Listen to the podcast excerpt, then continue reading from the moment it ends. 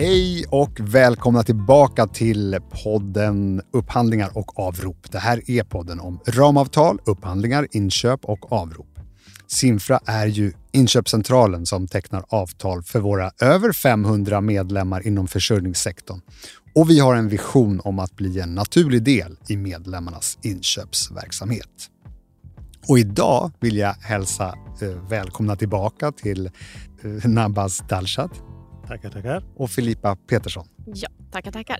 Idag ska vi fördjupa oss i två ramavtalsområden. Mm. Det första är rökgasreningssystem med tillhörande produkter och tjänster.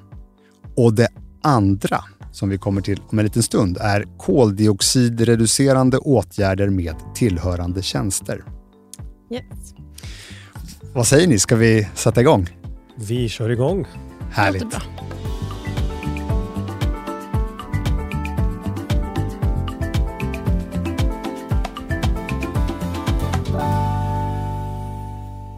Ja, alltså rökgasreningssystem med tillhörande produkter och tjänster, mm. Nabas. Vad ja. handlar det här om? Eh, jo, men det handlar helt enkelt om att få bort eh, oönskade partiklar i rökgaserna. Eh, så i en produktionsanläggning där du eldar för att skapa värme så uppstår rök och gaser som innehåller farliga partiklar som du inte vill att de ska komma ut i atmosfären. Man vill ju ha så ren el och värmeproduktion som möjligt och rökgasreningen är en del i den processen. Mm. Jag kan tänka mig att sånt här är väldigt eh, reglerat, alltså vad man får släppa ut i luften och mm. hur mycket och sådär. Precis. Eh, nej, men det, det, är såklart lagkrav på det eh, och i Sverige är vi bra på att styra upp det så det blir tydligt vad man får släppa ut och med hur mycket. Eh, men även på EU-nivå finns det direktiv kopplat till utsläppen för eh, rökgaserna.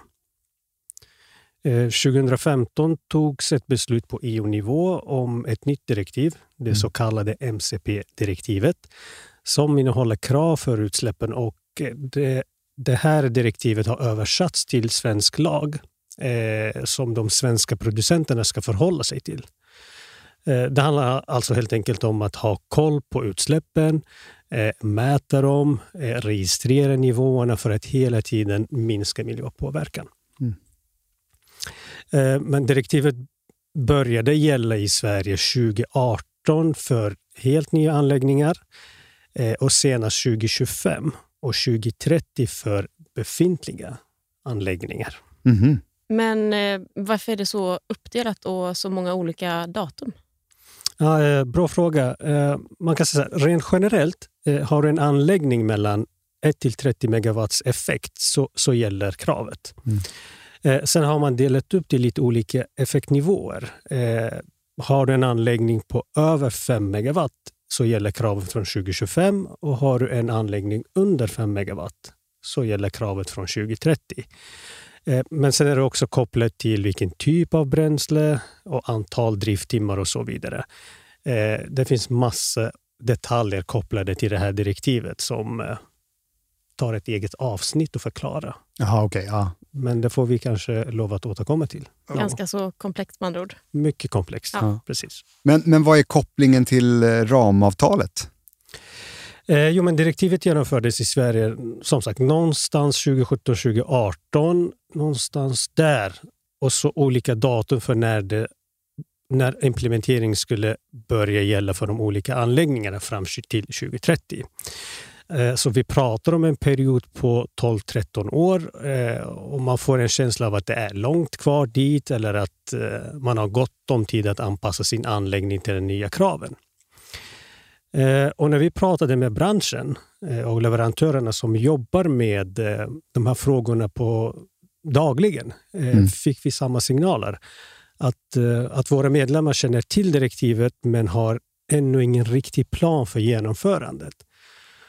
Och där eh, ville vi vara ute i god tid. Vi ville ha ett ramavtal på plats, åtminstone inför den eh, första implementeringen 2025. Okay. Så att man är ute i god tid. När det väl gäller så finns ramavtalet på plats. Bra. Kanske dags att berätta om ramavtalet. Ja, men det tycker jag. Nu, nu går vi in på själva avtalet. Ja. Eh, vi har tecknat avtal med fyra aktörer eh, som har rökgasreningssystem av olika slag.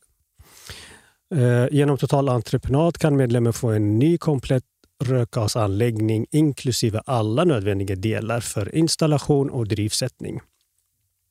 Eh, och vi valde att i, inför tilldelningen av, av eh, ramavtalet att utvärdera på elfilter men även andra filtertyper såsom eh, textilfilter, sinterfilter och keramiska filter ingår i ramavtalet och där sker det på förfrågan. För att bara nämna några andra typer utöver elfilter. Och Det man kan säga är att i och med att de här systemen är så pass olika och framför allt måste anpassas till varje enskild anläggning eh, så lämpar det sig bäst att göra avropet genom förnyad konkurrensutsättning. Ja. Så är det en FKU skickat en, en förfrågan.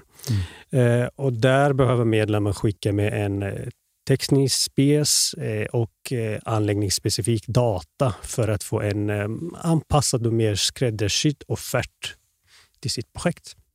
Just det. Och ja, hållbarhet känns det som att det är något som vi, vi berör i varje avsnitt i den här podden. Eh, och med att hela tanken med direktivet och systemen är att värna Mm. miljön. Precis. Ja. Eh, Finns det något därutöver i ramavtalet som berör hållbarhet? Eh, ja, men absolut. Eh, som medlem det går att få hela leveransen fossilfritt om man så önskar det.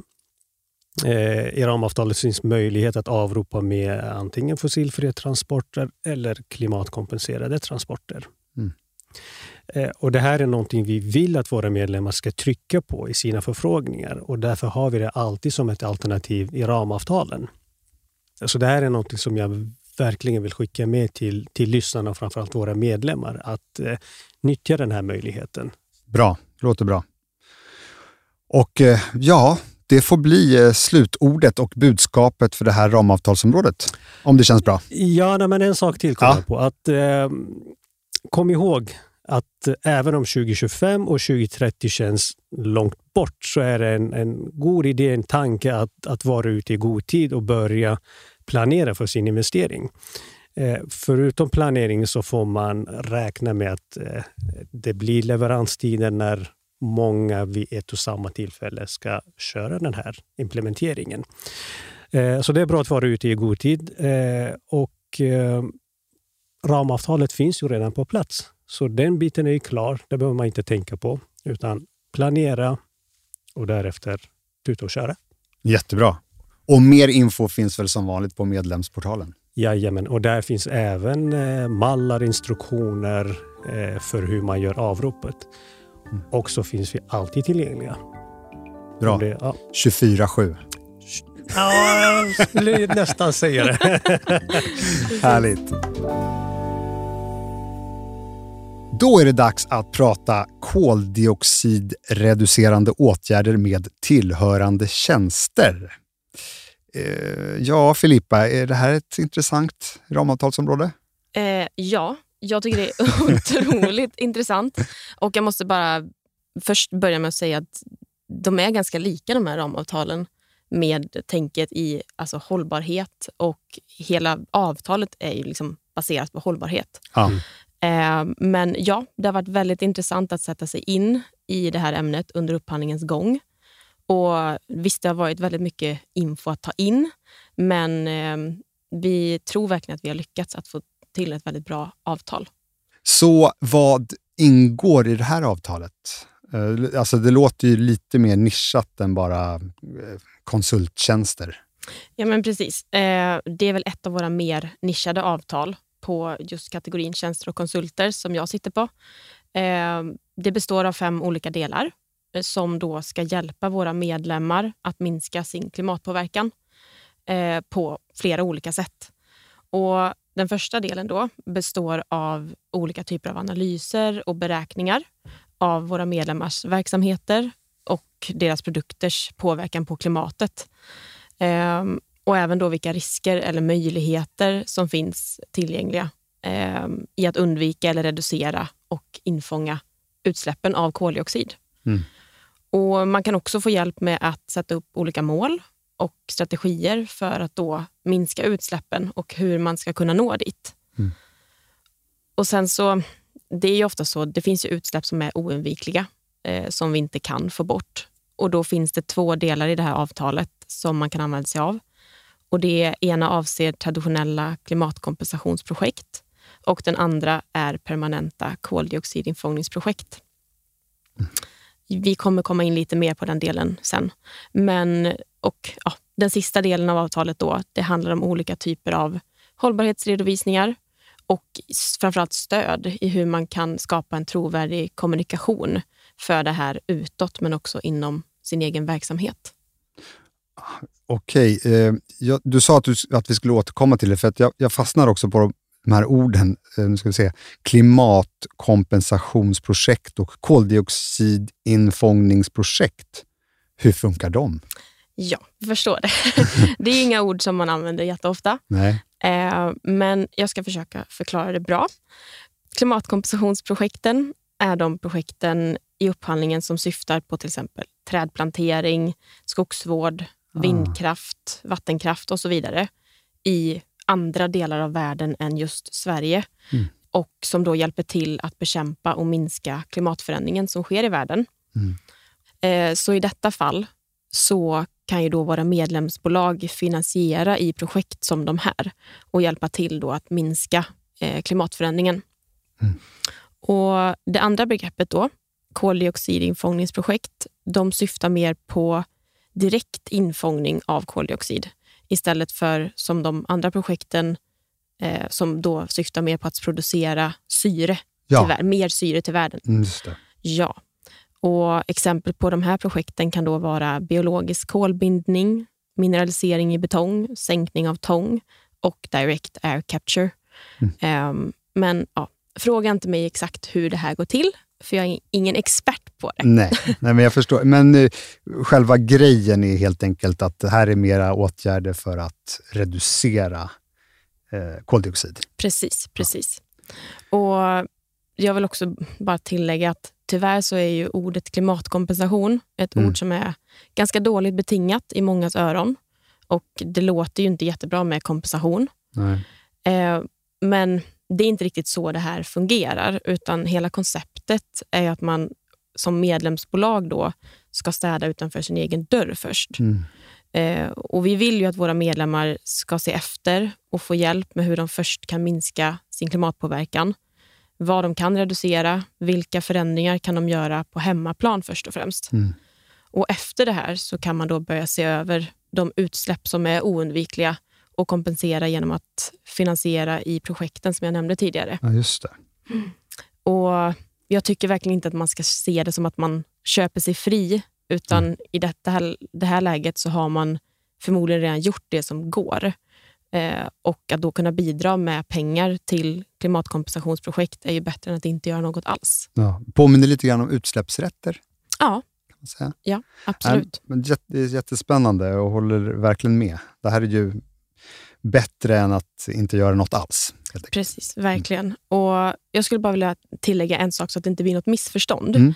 i det här avtalet. Och Det är då, det gäller ju inte CCS-kolinlagring eh, som är en annan typ av infångning av koldioxid. Okej, okay. det ingår inte i det här? Nej, precis. Det gör det inte. Och Varför är det inte med i avtalet? Nej, men det är så att det är en väldigt dyr form av koldioxidinlagring då det oftast kräver en, en tillbyggnad hos våra medlemmar. Alltså en helt ny byggnad jämte deras egna verksamheter. Mm. Um, och Vi upplever att hela grejen med koldioxidinfångning är ganska så ny. Och Många försöker bara komma igång med tänket hur man liksom ska städa utanför sin egen dörr innan man då gör en investering i en CCS-lösning. Så det är precis som Nabas nämnde i deras avtal, att mm vi, vi har det här på plats nu för att folk ska börja tänka i de mm. här banorna. Och vem vet, när avtalet ska upphandlas på nytt så kanske det här ligger mer i tiden och då kan vi ta med den delen också. Jag förstår. Och den här CCS-lösningen, är det ett enskilt avtal eller finns det inte än?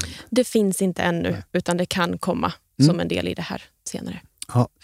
Spännande och det låter ju väldigt relevant det här i dagens tider.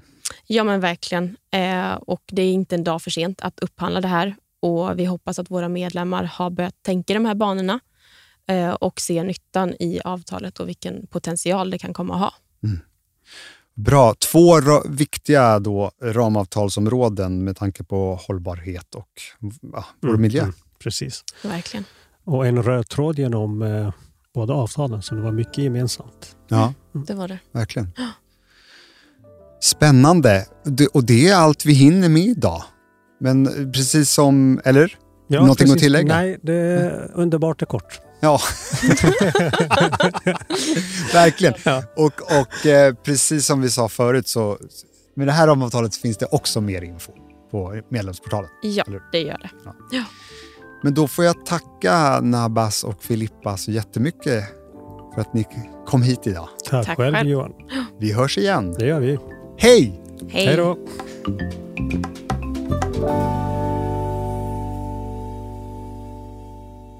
Den här podcasten är producerad av Perfect Day Media.